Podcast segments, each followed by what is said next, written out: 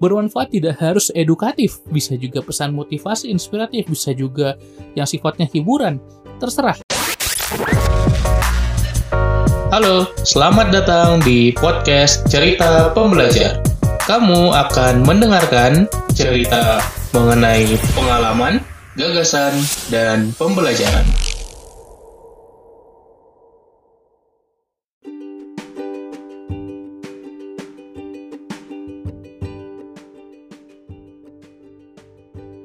Halo Sobat Pembelajar, selamat datang kembali di podcast Cerita Pembelajar season ke-6, Quick Insights. Semoga lu sehat selalu dan bisa terus bertumbuh, terus belajar untuk menjadi versi diri lo yang lebih baik lagi. Seperti biasa, gue bakal sharing insight-insight ringan, tapi tentunya bermakna dan bermanfaat buat lo. Dan semoga ini bisa menjadi penyemangat supaya lo bisa lebih hebat lagi hari ini. Kalau lo dengerin gue sekarang, kemungkinan besar ya, kemungkinan besar lo tahu gue di Instagram @pembelajarproduktif. Meskipun banyak lagi channel-channel lainnya, tapi channel paling utama gue sekarang ada di Instagram.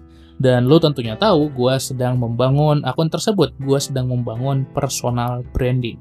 Ya, personal branding mungkin istilah yang sudah cukup populer sekarang ini, di mana kita ingin menunjukkan bahwa kita citranya seperti ini. Brand itu kan citra gitu ya. Kita adalah orang yang seperti apa. Dan branding itu banyak gitu ya. Ada product branding, service branding, ada corporate branding, company branding. Intinya adalah branding dari suatu entitas. Personal branding berarti branding diri sendiri atau branding orang. Nah, kali ini gue pengen share 6 langkah buat lo bisa membangun personal branding. Karena langkah-langkah ini juga yang gue lalui untuk membangun personal branding gue.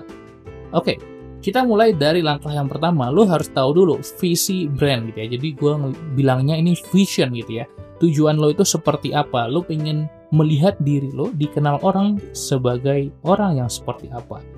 Sebenarnya ini turunannya panjang, tapi gue akan coba kompres menjadi insight-insight yang paling utama. Lo harus tahu, lo pengen dilihat seperti apa. Seperti apa ini berupa karakteristik. Apakah lo orang yang penuh semangat, yang sering berbagi, yang sering sharing, yang semangat banget uh, ngomong di depan kamera di video, atau mungkin lu orang yang lebih kalem, yang membagikan ide-ide, insight-insight pengetahuan lu lewat tulisan. Atau mungkin lu orang yang puitis dan menyebarkan, membagikan sajak-sajak, atau mungkin lu orang yang jarang membagikan uh, tulisan atau konten-konten yang edukatif karena lo lebih berfokus pingin konten hiburan. Semuanya it's okay ya, semuanya it's okay. Tapi yang penting lo harus tahu lo pengen dikenal seperti apa. Itu yang akan menjaga branding lo sampai nanti. Dan ketika kita sudah memilih karakter atau persona diri kita, maka kita perlu konsisten. Kunci dari branding adalah konsistensi kalau misalnya hari ini gue jadi orang yang semangat banget, besok gue jadi orang yang tenang abis, itu gak konsisten gitu ya. Atau hari ini misalnya gue bahas tentang baca buku, tentang belajar, besok gue bahas tentang sepak bola, lusa gue bahas tentang masak-masak, ya itu kan udah lepas banget. Jadi pilihlah satu karakter lo. Kemudian yang kedua adalah memilih niche.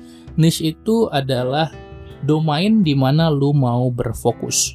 Jadi ketika kita mau membuat konten, kita harus tahu, wah, target market kita siapa? Sebenarnya lebih akrab disebut target audience gitu ya. Audience kita apakah orang-orang anak muda gitu ya atau orang-orang yang sudah berkeluarga, apakah orang yang hobi masak mungkin atau orang yang senang olahraga atau mungkin orang yang senang ke kafe, senang ngopi atau justru orang introvert yang senangnya di rumah aja. Kita harus bisa betul-betul memahami niche itu karena nanti itu akan memengaruhi konten kita seperti apa. Kalau buat gue, gue mengusahakan membuat konten yang sesuai niche juga. Oke, niche Bang Umar apa kalau gitu?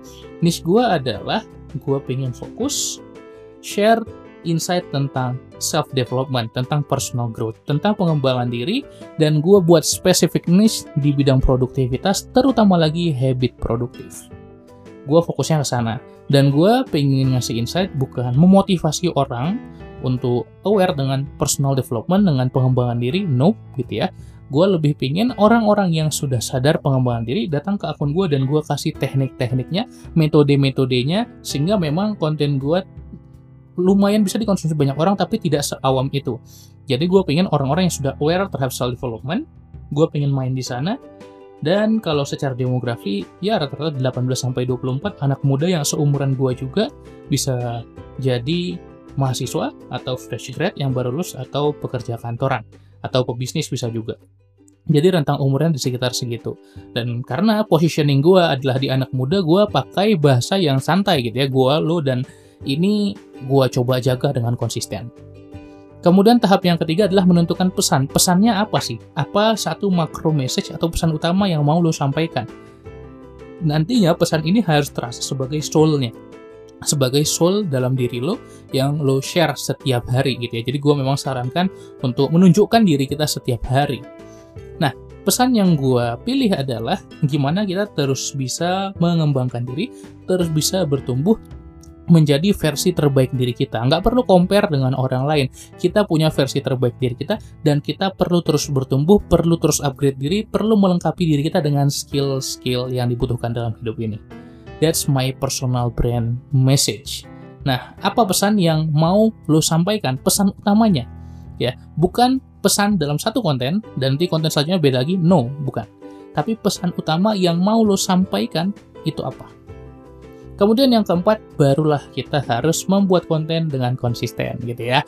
Memang ini kuncinya banget karena banyak banget uh, akun-akun personal brand lainnya yang semangat di awal gitu ya, tapi akhirnya berhenti setelah 10, 20, 30 konten gitu ya, tumbang di tengah. Gue nggak menyalahkan itu karena setiap orang punya prioritasnya masing-masing. Tapi kalau lo mainin pingin bangun personal brand secara serius, harus harus banget konsisten kalau lo merasa kesulitan bikin konten sehari satu, nggak apa-apa, misalnya dua hari sekali. Yang penting lo tentukan satu frekuensi, lo seberapa sering bikin konten, dan konsisten dengan itu aja dulu. Kalau lo udah bisa sehari satu, bagus, lakukan konten sehari satu dengan konsisten. Intinya kita harus bikin konten yang sesuai dengan pesan kita tadi. Formatnya itu bebas gitu ya. Formatnya itu ada empat sebetulnya. Format konten tidak akan lepas dari written, image, audio, dan video.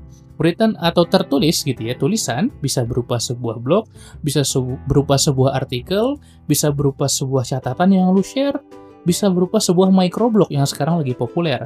Konten Instagram yang bisa sampai 10 halaman bisa di slide-slide, itu kan sebenarnya tulisan walaupun dibuat dalam format gambar. Bisa juga dalam bentuk gambar, misalnya lu pengen bikin lukisan atau karya, atau ya bentuk-bentuk visual gitu ya, lu bisa bikin juga seperti itu. Atau audio seperti podcast yang sekarang lo dengerin, ini adalah bentuk audio. By the way, gue sebelum bener-bener terjun sebagai kreator, sebagai seorang yang membangun personal branding, konten pertama gue adalah format audio podcast ini. Nah, kemudian terakhir adalah format video, lo bisa bikin video YouTube, atau kalau di Instagram ada IGTV, atau mungkin di TikTok, dan banyak lagi format-format lainnya. Tapi biasanya itu semua diturunkan dari empat format utama, tulisan, gambar, audio, dan video. Nah, silahkan lo pilih lo merasa bisa perform yang terbaik dengan format yang mana. Gak usah ikut-ikutan orang lain, wah ini lagi populer, gue pakai format ini. Wah ini lagi tren, gue pakai format ini. Coba cari yang lu paling optimal, yang lu paling cocok, yang lu paling bisa menyuarakan your brand message ya. Message-nya tadi apa? Apa yang mau lu sampaikan? Lu paling bisa menyampaikan itu dengan format yang mana? Silahkan pilih. Kemudian yang kelima adalah bagaimana kita mengumpulkan audiens. Ya jadi kita membangun kalau istilah orang digital marketing membangun kolam ikannya gitu ya. Jadi bagaimana kita mengumpulkan audiens ya kita berikan konten yang bermanfaat. Bermanfaat tidak harus edukatif, bisa juga pesan motivasi, inspiratif, bisa juga yang sifatnya hiburan. Terserah, banyak sekali cara-caranya gitu ya. Tapi yang bikin orang senang maka ada yang namanya konten audience fit. Jadi sesuai apa yang mau kita share dengan yang audiens inginkan. Banyak digital marketer yang bilang ya audiens yang utama. Kalau menurut gue personal branding perlu melibatkan keduanya.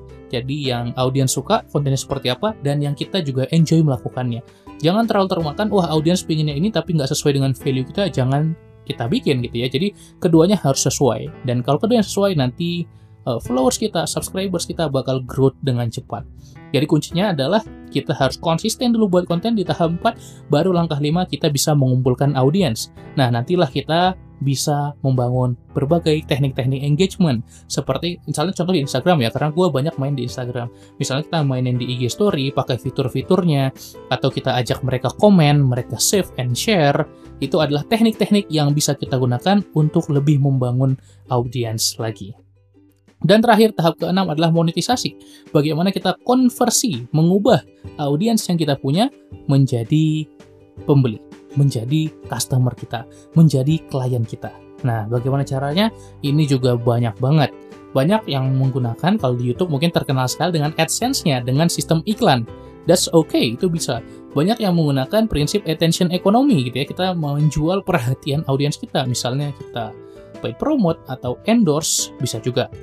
Bisa juga dengan kita menjual produk. Produk ini ada produk fisik, ada produk digital. Produk fisik misalnya kita jualan merch, jualan barang, jualan kaos, itu bisa.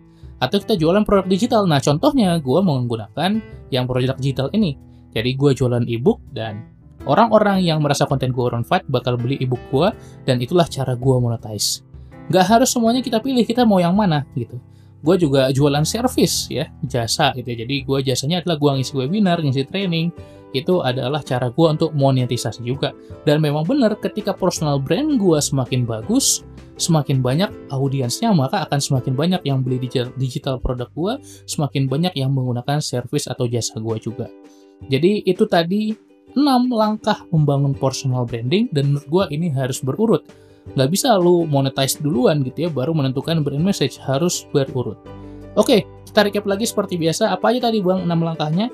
Yang pertama membuat visi dari personal brand lu. Kemudian yang kedua adalah memilih niche. Target audience lu seperti apa. Yang ketiga menentukan brand message ya. Brand message atau pesan utama yang mau lo share itu apa. Yang keempat konsisten membuat konten. Yang kelima mengumpulkan audiens dan yang keenam monetisasi dengan berbagai cara itu adalah enam langkah yang gue lakukan dan kalau lo mau juga bangun personal brand, lo bisa terapkan enam langkah tadi. Semoga bermanfaat. Jangan lupa share di story apa yang lo pelajari dari podcast kali ini supaya gue tahu kalau podcast ini memang bermanfaat. Dan kalau bermanfaat tentunya jangan lupa follow di Spotify dan bagikan juga ke teman lo. Tentunya tidak ada yang akan marah kalau diberikan hal yang bermanfaat kan? Atau jangan-jangan ada teman lo yang sedang membangun personal brand juga. Kalau lo kasih episode ini, pasti mereka akan sangat berterima kasih. Itu aja buat episode kali ini. Kita akan jumpa lagi di episode-episode berikutnya. Terima kasih, salam pembelajar.